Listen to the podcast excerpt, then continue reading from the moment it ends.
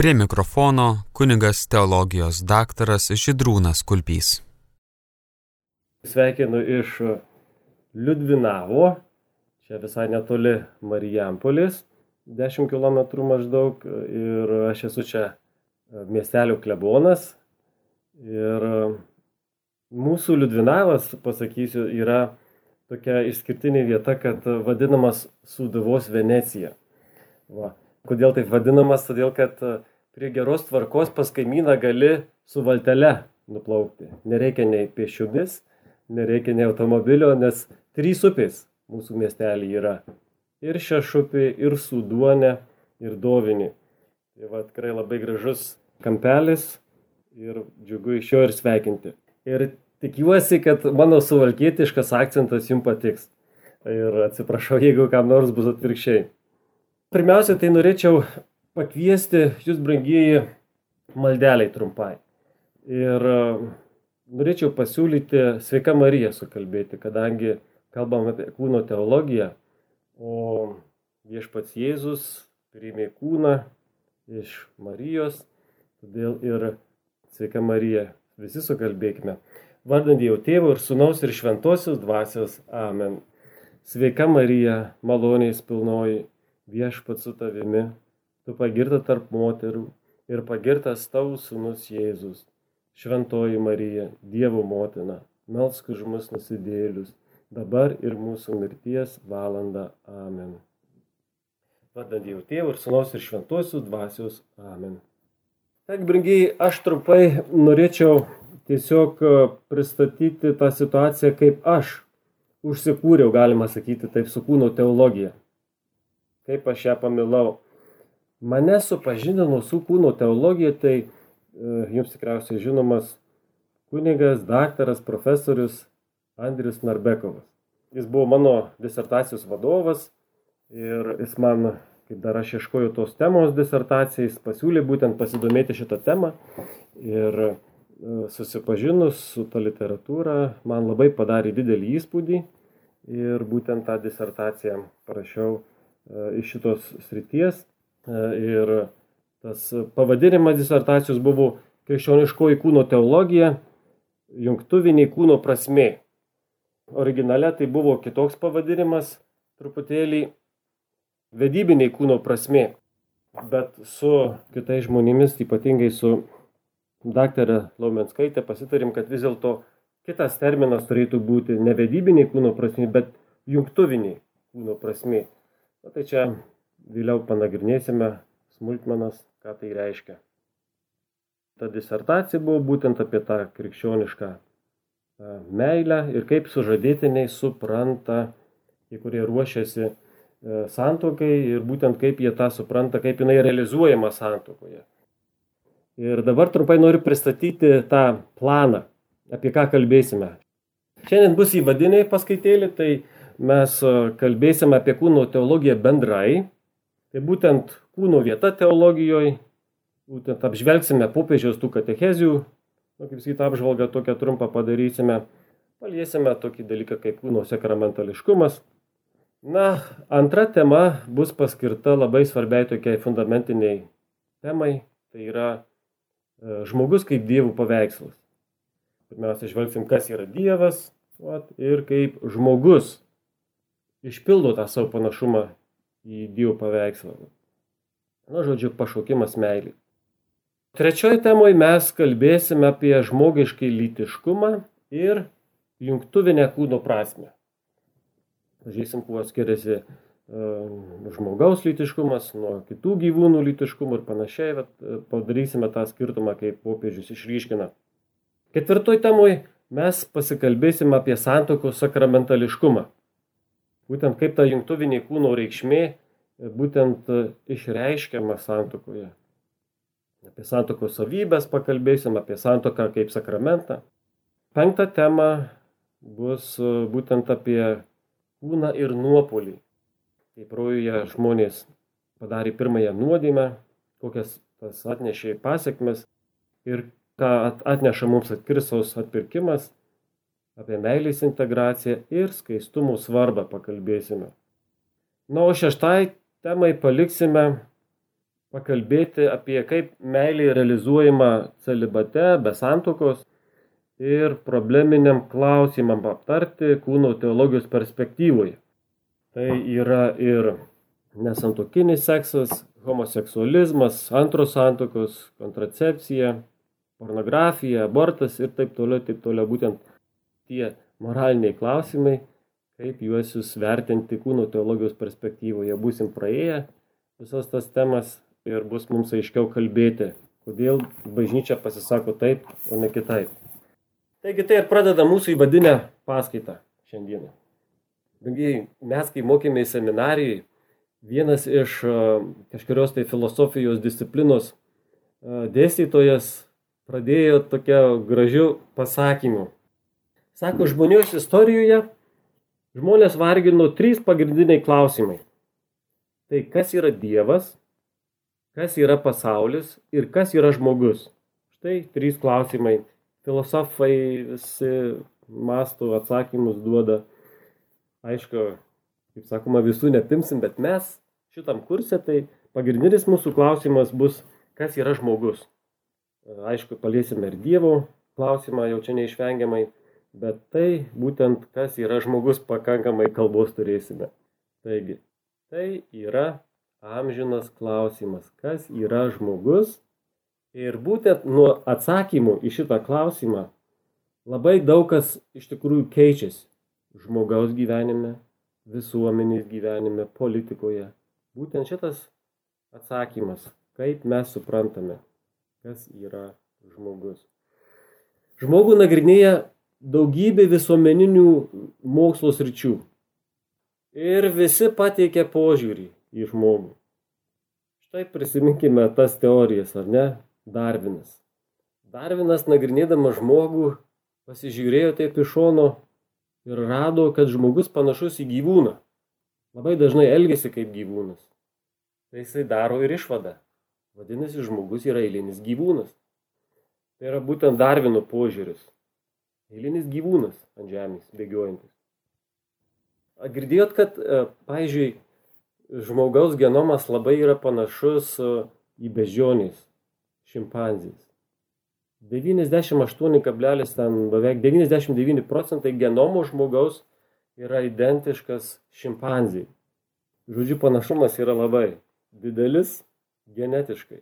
Bet jeigu pažiūrėsime, palyginsime koks gyvenimas tos bežionės su žmogaus, tai matom kažkur labai gene, genetiškas panašumas, bet esminis šviesmečių skirtumas yra. Ir kur, kur, kodėl toks yra didelis skirtumas. Toliau šalia darvinizmo mes turime ir socializmo teorijas, ar ne? Labai pabrėžtas darbas, ne, darbų žmogus. Freudas su savo visom e, psichologiniam žiniom, pristato žmogų kaip kokį psichologinį žmogų. Kitos sistemos, pavyzdžiui, aiškinamas, kad tai yra politinis žmogus. Mes esame politiniai žmonės ir būtent žmogus turi teisų tik tiek, kiek suteikia valdžia. Tas labai gana taip pradeda ryškėti su visais karantinais ir taip toliau. Ir kiek valdžia leidžia. Taigi, brangiai, iš visų šitų sistemų, kurias tik tai mažai paminėjau, kelias tik tai, Iš tikrųjų, nei viena iš tų sistemų neįvertina žmogaus, koks jis yra iš tikrųjų. Štai šitame kurse mes imsime Dievo perspektyvą, žvelgsime į žmogų teologiškai, ne, kaip Dievas to nori, kad mes įvertintume žmogų. Va, nes iš kažkur tai reikia šaltinį turėti autentišką, kaip kalbėti apie vieną arba, arba kitą dalyką. Ne? Tai va, ir pavyzdžiui, paimkim eilinį puoduką, ar ne, kaip sakykime, mes na, sakykime, stiklinę čia turiu po ranka. Kas tai yra? Galbūt kažkas pirmą kartą mato ir mums reikia žinoti, kam jisai naudojamas. Kaip mes galim tą žinoti? Tai mes iš kažkur turime kažnos mums pasakyti, kas tai yra, arba žinoti tą prigimtį, ar ne? Ir, pavyzdžiui, aš atsigeriu iš josius. Bet jeigu aš norėčiau su šita stiklinė vinį įkalti, tai jau būtų kažkokia nesąmonė. Yra prieš prigimtį. Vat mes turime žinoti, kas yra ta prigimtis ir, ir teisingai spręsti. Tai būtent mums apie žmogaus esmę pasako Dievas, teologija. O todėl ir, ir tam ir mes skirsime žiūrėti iš tos perspektyvos. Ne tos visos sistemos paminėtos bando sukurti rojų žemėje, bet pamiršta labai svarbų dalyką - Dievą. Pamiršta žmogaus esminį ryšį su Dievu. Ir mes žinome, kad rojaus žemėje kūrimas be Dievo yra visiška utopija. Visiška utopija. Prisiminkim neseniai Lietuvoje viešpatavusį socializmą. Nieko gero net nešižlugo, kadangi tenai Dievas buvo eliminuotas. Ne? Tai yra, yra pirmoji pagunda, jeigu norit, galima būtų taip išvesti. Rojuje. Pirmoji pagunda ir yra. Tai būtent velnio ta pagunda. Atsikratyk priklausomumo nuo Dievo. Išsilaisvink. Bet tas išsilaisvinimas, kabutėse, nuo Dievo, žinom, kaip rūjuje baigėsi. Taigi, niekada nereikia abejoti mylinčių Dievų ir tikrai nereikia atsikratyti būtent to ryšio, mylinčio ryšio su Dievu. Taigi, brangieji, šiandieninėme pasaulyje žmogaus kūnas yra išstatomas neribotam gėrio blogio potencialui. Dažnai kūnas yra sudaiktinamas, dažnai paverčiamas objektu, kuris neatsakingai naudojamas siekiant iš jo išgauti vien fizinę naudą. Ne, žmogus kūnas išnaudojamas kaip menų forma, protestų forma, galim dažnai matyti per televiziją. Ne? Žmonių išrastos technologiniais, medicininiais, mechaniniais priemonės dabar jau naudojamos perkurti jų kūrėjus žmonės. Visai prieš šitą paskaitą e, mačiau ištrauką būtent e, vieno interviu kinietis vienas mokslininkas padarė tokį ne visai etinį dalyką. Jisai embrione iškirpo kažkokius tai genus. Visiškai netiška procedūra. Perkurė žmogų. Aišku, jis ten buvo už etinių taisyklių pažeidimą trims metams pasodintas į kalėjimą. Žodžiu, iš tikrųjų tokios technologijos, kad net perkuria pačias žmonės. Aišku, populiarioji medija labai daro didelę įtaką apie žmogaus kūno supratimą, o ne jo prieimimą. Žadina žiūrovų dėmesį tam, kas neįprasta, keista. Bendra moralės erozija veda šiandieninį žmogų prie labai keistų supratimų, kasgi yra tas žmogiškumas. Pavyzdžiui, viena autoriai sako, kad dirbtinai pradėtas žmogus yra labiau žmogiškas nei tas, kuris pradėtas per seksualinę ruletę. Visokių požiūrių. Pasitaiko, kad kartais ir tikintys žmonės neteisingai nuvertina žmogiškai kūną. Tai toks vadinamas dualizmo požiūris. Kūnas blogas, siela gera. Supriešinami jie. Būtent e, kūnas tarsi kaip kalėjimas yra būtent sielos. Reikia išsivaduoti, reikia niekinti kūną ir taip toliau. Tai yra visiškai neprimtinas dalykas. Tokios ten yra senoviškos askezijas, ten nusiplakimai ir visi kiti dalykai. Aišku, čia platesnis klausimas, bet žodžiu, ir tikinčių tarpe kartais gali matyti tą kūno nuvertinimą. Tai va, irgi turime nedaryti tos klaidos. Taigi panašių samprotavimų ir tendencijų šio laikinė visuomenė yra labai daug.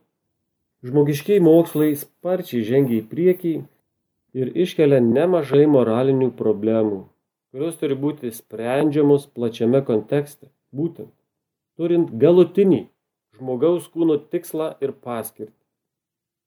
Štai Jonas Paulius sako, iliuzija manyti, kad galime sukurti tikrąją žmogaus gyvenimo kultūrą, jei neprimame ir nepatiriame meilės, seksualumo ir gyvenimo pilnatvės pagal tikrąją jų reikšmę bei artimą jų sąveiką.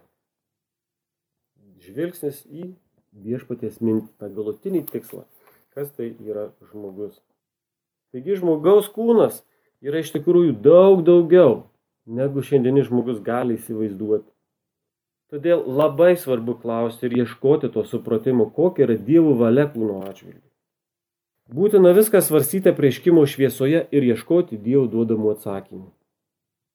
Kūno teologijos svarstymuose atrandame šiandieninį atsakymą, ką reiškia būti žmogumi, kaip mes galime žmogiškumą išreikšti kūniškai, pagal Dievo pašaukimą ir paskirtį. Kokia yra kūno tiesa, kokia yra jo prasmė. Tikrą atsakymą į žmogiškumo klausimą mes randame krikščioniško tikėjimo paslaptyje. Per Jėzų Kristų Dievas tapo žmogumi. Pats Dievas įsikūnijo. Turiu tokį paveikslėlį gražų. Pats Dievas įsikūnijo. Čia klasikinis vienas iš tų paveikslėlių. Matome, kaip adoruojamas kūdikėlis, gražus. Tai yra nuostabi paslaptis, neįsivaizduojama paslaptis. Taigi mūsų krikščioniškas tikėjimas yra įkūnytas tikėjimas. Kristaus įsikūnymas atveria visiškai naują potencialą kiekvienam žmogui. Kūnas yra įtraukiamas į dieviško ir žmogiško susitikimą. Ir krikščionybė skelbia gerąją naujieną - kūno evangeliją. Dievo įsikūnymo slėpinį. Tam, kad žmogus su atpirktų kūnui žengtų jam žinybę į Dievo meilį išlovę, kuriai buvo išrinktas Kristuje dar prieš pasaulio sutvėrimą.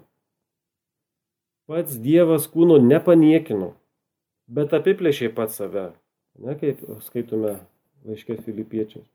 Ir prisėmė žmogiškai prigimti, kad ją pašventintų ir ištobulintų meiliais kryžiui sugražintų paprastą garbę, kuriai žmogus kaip kūnas ir siela nuo pradžių pašauktas. Dievo sūnus prisėmė žmogiškai prigimtį amžiams. Atpirkęs kūną jis su visu perkeistu kūnu grįžo į dievišką šlovę, kurią turės prieš atsirandant pasaulį, kad ir mes būtume ten, kur ir jis. Kristaus kūnas tampa vartais, atsivėrusiais kiekvienam iš mūsų į tėvo namus amžinojo Dievo pačią širdį. Vadinasi, kūnas nėra blogas. Ar įsivaizduokime per Kristaus įsikūnymą? Nuo dabar Dievas yra žmogiškas Dievas. Nuo dabar Dievas turi žmogaus veidą. Tokia paslaptis. Būtent brangiai apie tai ir mums kalba Jono Pauliaus antrojo pristatyta kūno teologija.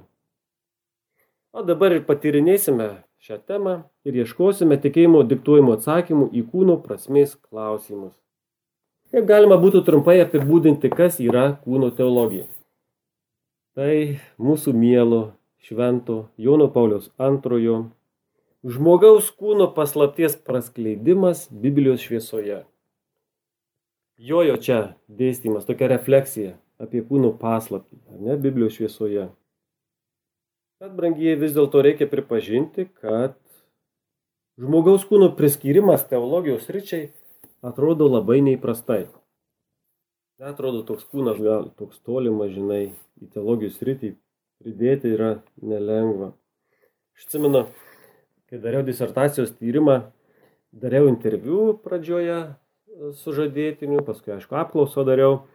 Tai tame iš interviu aš turėjau tokį klausimą, jaunimui sakau, kaip jums atrodo, ar Dievui įdomu, kas vyksta jūsų mėgamajame? Kai kurie pasijokia, kiti ten kažkaip įdomiai reaguoja, va, bet dauguma sako, nerūp. Bet iš tikrųjų viena mergina taip pagalvoju su pauzė ir sako, nu, jeigu Dievas sukūrė seksą, tai gal ir įdomu jam, kaip tas viskas vyksta. Tai vad kartais galvojam, kad jau šitas rytis tai jau ne. Jau yra bloga, purvina ar kaip tenai. Ir tikrai Dievui nerūpi šitie dalykai. Tai vat, e, bet, vat, mums šventasis tėvelis Jonas Paulius II atsako labai aiškiai, kodėl kūno priimimas į teologijos sritį yra būtinas. Štai jo citata. Per Dievo žodžio įsikūnimo faktą kūnas pro pagrindinės duris įžengė į teologijos sritį. Įžengė. O vėl kitą paveikslėlį gražų turiu. Apreiškimas. Angelas apreiškia Marijai Dievo vatsūnaus įsikūnymą. Būtent per šitą faktą. Marijos taip. Mes būtent ir turime skaitytis, kaip sakoma, suvalkietiškai su, su kūnu teologijoje. Šitas įsikūrimo slėpinys leidžia suprasti ir žmogaus kūno kilnumą. Kaip Jėzaus kūnas yra garbės apreiškimas, neregimumo regimybei. Dievo pasirodymas tarp žmonių. Taip ir mūsų kūnas savo pilnatvėje, kaip derinys tarp materialumo ir dvasios, yra skirtas būti dieviško grožio veidrodžiu, atspindžiu. Šią temą popiežius taip rašė. Įsikūnymo slėpinyje padedami pagrindai antropologijai, kuri gali įveikti savo pačios ribas bei prieštaravimus. Judėdama Dievu, sudievinimo tikrojo tikslo link, per atpirktojo žmogaus, įleidžiamo į vidinį trybės gyvenimą, įjungimą per Kristų.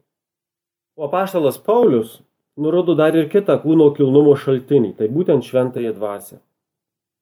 Šventoji dvasia gyvena mūsų kūne. Ata net pirmo laiško korintiečiams šeštam skyriai jisai rašo.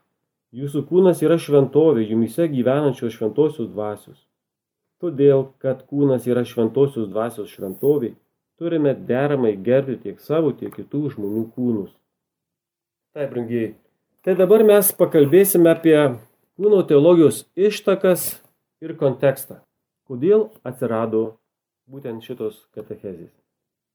Kaip jau minėta, krikščioniškas tikėjimas yra įkūnytas tikėjimas, kylantis iš viešpatės Jėzaus Kristaus įsikūnymų. Jis yra amžinojo Dievo žodis tapęs kūnu. Kristus kūniškai, ypatingai per savo kančią, mirtį ir prisikėlimą, apreiškė mums Dievą.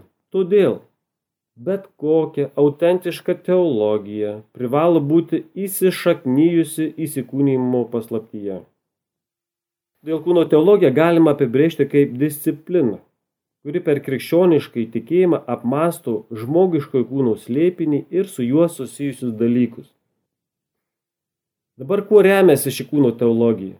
Šeši šaltiniai, kuriuo remiasi, kaip ir kiekviena teologijos sritis yra patirtis, apreiškimas, šventasis raštas, tradicija, kultūra ir protas. Štai šie šaltiniai, kurie įtakoja būtent kūno teologiją. Ar žinot, kad kūno teologija gana anksti prasidėjo? 1979 metais. Senai prasidėjus, bet dar nepasenus. Tai būtent e, nuo kada jis pradėjo popiežius kalbėti kūno teologijos temų. Jis išrinktas buvo prieš metus. Petro soste, jisai įžengė į sostą 78 ir jau po metų pradeda kalbėti tas katechezės, kurias pavadina jisai pats kūno teologija. Taigi, jau buvo paplitęs paprotys, būtent kuris laikas popiežiai duodavo visuotinės audiencijas. Tas vadinamas bendrasis audiencijas. Kažkokią tai temą pasisako ten popiežiai. Ir mūsų šventas tėvelis Jonas Paulius II tęsia tas tradicijas ir būtent pasirenka šitą temą kalbėti. Dabar kaip reiškia viskas, tas sprendimas ateina kalbėti šią temą. Jis patapęs popiežiumi Pirmiausiai vertina tą bendrą situaciją bažnyčioje, kokios aktualius, kokios problemos, kokia situacija, kam reikia daugiau dėmesio skirti. Va.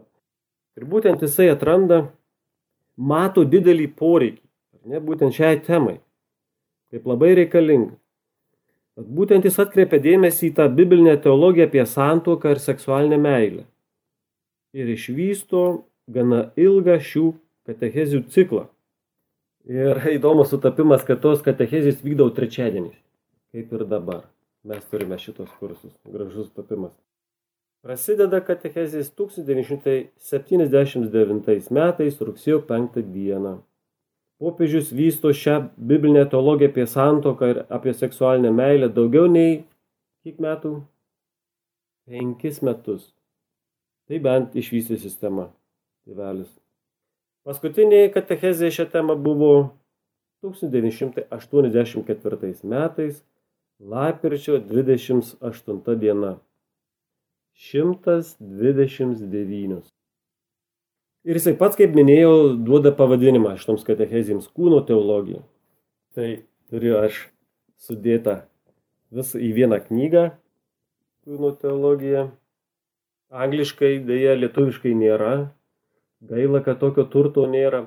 Girdėjau, kad e, daktarė Lomenskaitė dirba prie vertimų, e, artumoje spausdinami katechezės, va, kiek tenai gali leisti žurnalas. Va, bet būtų nuostabu, jeigu kas nors galėtų išversti visas. Tai yra nuostabus turtas, iš tikrųjų.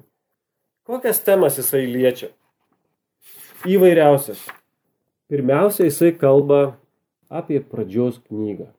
Pirmas dalykas. Kai buvo pradžioje? Koks yra pirminis Dievo planas? Kokia Dievo mintis? Jėzus atsimenam tą situaciją, kaip būtent ateina farizijai, ginčinas ar galima atleisti žmoną ir taip toliau. O Jėzus pasako, ką reikia pasakyti ir sako, o pradžioje taip nebuvo. Kreipia mintis į tą pradinę viešpatės mintį. Vat ir būtent pirmiausia ir pradeda nuo pradžios knygos šventas tėvas. Toliau didelis gabalas katechezių yra būtent apie palaiminimų kalnų katechezės. Toliau Švento Pauliaus mokymas apie žmogaus kūną, apie kūno prisikėlimą, skaistumas dėl dangaus karalystės, nemažai katechezių, santokos sakramentališkumas ir taip pat refleksijos apie humaniai vytį encikliką. Va, tai yra nemažai, gal kas nors ir jūs užsikursite, jums patiks labai, gal prisidėsit, gal kas galite, turit galimybę prie vertimo ar kitaip platinimo šitų nuostabių katechezių. Tai kviečiu ir raginu ir pasidžiaugti tuo dalyku, kurį atrasime šiuose katechezėse. Koks buvo tikslas popiežiaus šitų katechezių? Ko jisai siekia?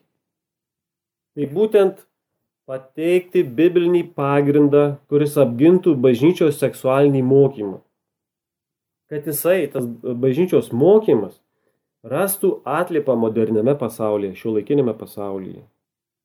Nes būtent iki jojų, iki Jono Pauliaus antrojo, vyravo tokios legalistinės, nepakankamos moralinės teologijos formuluotės, kurios nagrinėjo seksualinius dalykus.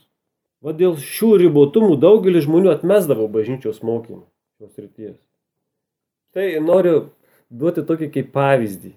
Vat ką aš kalbu apie tas legalistinės tokias normas, kas liečia tą seksualinį sritį. Štai viduramžių nuodėmklausių vadovėliai griežtai nurodydavo, kada galimi lytiniai santykiai santukoje.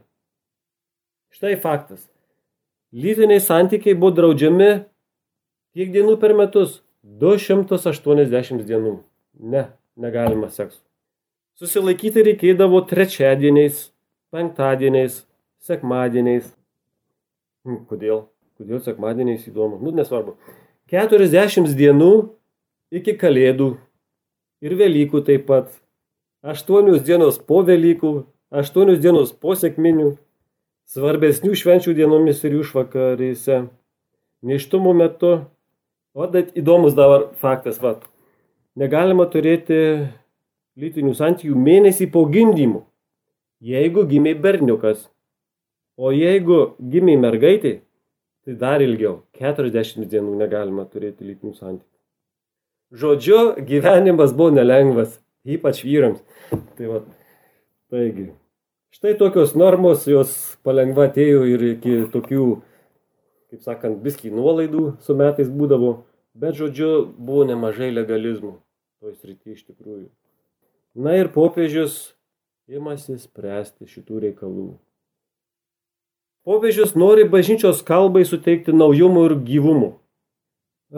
Jisai sako, kad visai kitaip reikia kelti klausimą.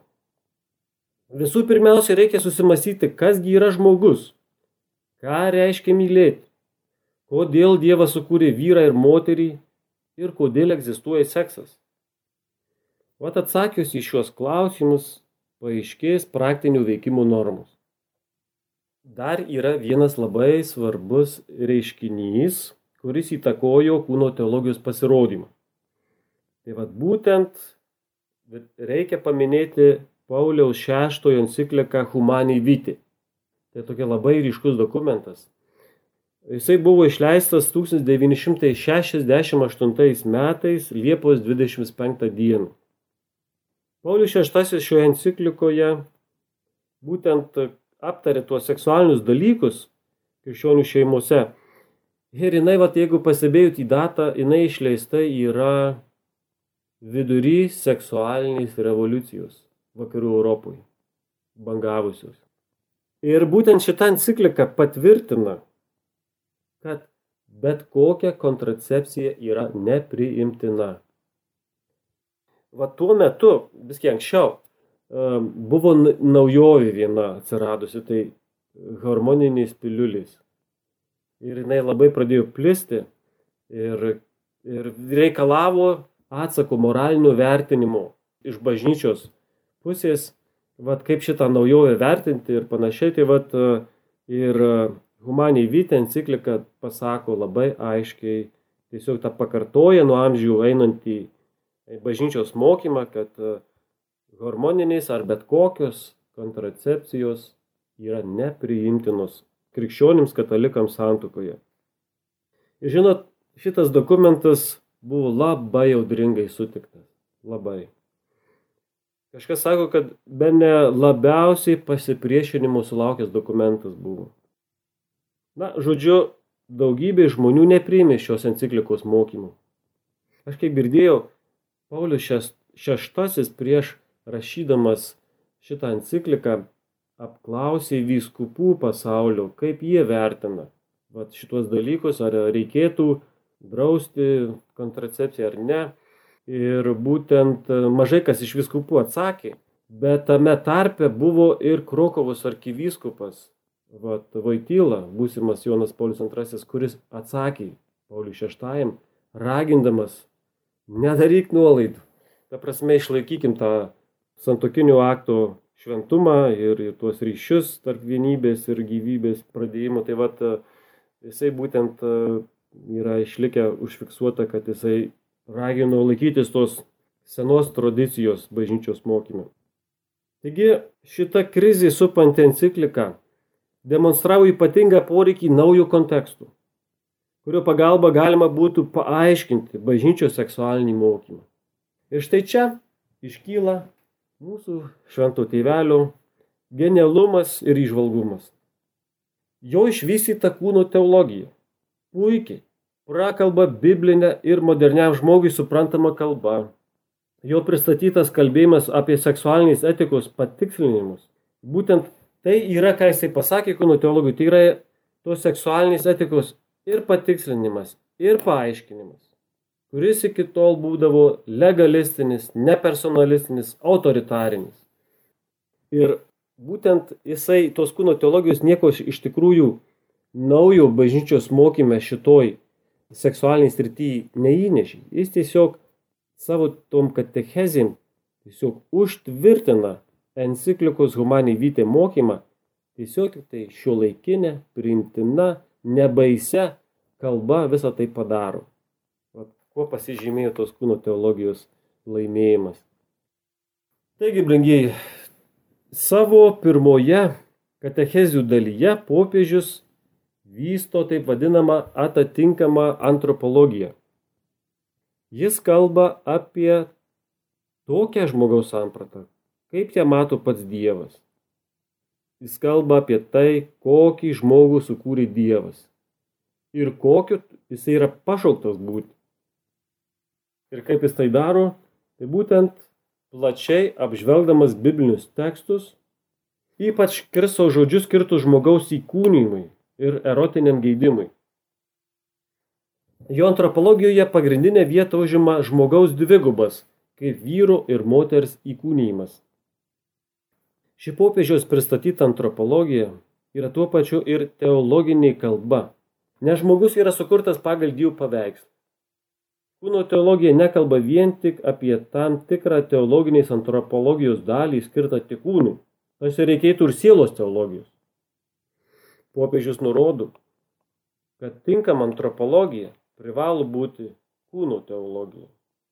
Jis sako, kad kalbėdami apie kūno prasme, mes turime turėti omenyje visą žmogaus sampratą. Popiežius katechizise dažnai nurodo Jėzaus mokymą apie pradinę Dievo mintį žmogaus atžvilgių ir kviečia tai atrasti iš naujo. O kaip minėjau, ar ne, pradžioje jis labai dažnai kartuoja, o kaip buvo pradžioje. Taigi, pirmiausia, jisai pristato antropologiją, o likusioje katechezių dalyje popiežius kalba apie tai, kaip ši jo pristatyta teologinė antropologija pritaikoma moraliniams klausimams, norint, kad žmogus ištikimai gyventų pagal savo įkūnymų tiesą. Pirmiausia, jis tai daro pateikdamas žmogaus gyvenimą kaip pašaukimą, o vėliau pateikia naują ir tvirtą kontekstą krikščioniškos seksualinės etikos supratimui. Jonas Paulius II nagrinėja žmogiškai kūną kaip dvasinės realybės ženklą. Ne iš biologinio organizmo perspektyvos, bet kaip teologija. Kūnas kaip dvasinė ir dieviška paslaptis. Popiežius pabrėžia, kad kūnas atskleidžia neregimąją tikrovę. Jisai sako, kūnas kaip toks ir jis vienas gali padaryti matomu tai, kas yra neregima, tai kas dvasiška ir dieviška. Apreiškia tai, kas neregima. Aš atsimenu, prieš kiek laiko buvau Griška būdžio klebonas, čia Šakių rajone. Ir katechetai paruošė vaikus pirmosios komunijos, man tik reikėjo išegzaminuoti. Ir vaikus ten pagal tą programą klausinėjai. Va, bet kartais įdomu, kokį išmaištų klausimą sugalvoti, nes vaikai irgi labai kūrybingi, tai malonu juos išgirsti atsakymus. Tai va, tokius plačius filosofinius klausimus vat, pateikiau ir sakau, kas yra žmogus. Aišku, tai nėra programai tokių klausimų. Vat, e, ir viena mergaitė pagalvoju, sako, žmogus yra dvasia, tik įkūnyta. Ir vat, būtent jau tokia maža mergaitė, ketvirtokė, jinai pasakė tą, ką popiežius Jonas Paulius II, va, ką aš pasakiau, reiškia, mes esame dvasia, bet būtent mūsų kūnas ir apreiškia tą neregimą tikrovę. Jeigu ne mūsų kūnas, nu, mes negalėtume, kaip sakyti, komunikuoti, nes mes esame žmogiškos būtybės ir būtent tas kūnas mums yra kaip apreiškimas, kad būtent to, kas yra mumise dvasiška ir dieviška. Popiežius tęsė toliau. Kūnas buvo sukurtas, kad į regimąją pasaulio plotmę perkeltų nuo netmenamų laikų Dieve paslėptą paslaptį ir būti jos ženklu. Labai svarbus teiginys. Į regimą plotmę perkeltų Dievo paslėptą paslaptį ir būti jos ženklu. Iš tikrųjų, šitą teiginį galima laikyti vienu iš pagrindinių ne, vienu iš svarbiausių šių katechezių teiginių. Dar galima būtų ją kaip prilyginti kaip kokiam teptukui, ne, kaip kokiam teptukui, kuris būtent paima popiežius ir nutapo visas būtent tas katechezės šiuo teiginiu tokiu. Mėly Marijos radio klausytojai, prie mikrofono su jumis savo mintimis dalinosi Liudvinavo Šventojo Liudviko parapijos klebonas, kunigas teologijos daktaras Židrūnas Kulpys. Įrašas iš konferencijos Kūno teologijos tema ciklo. Girdėjote pirmąją dalį. Tesinio kviečiame klausytis kitą savaitę tuo pačiu metu. Likite su Marijos radiju.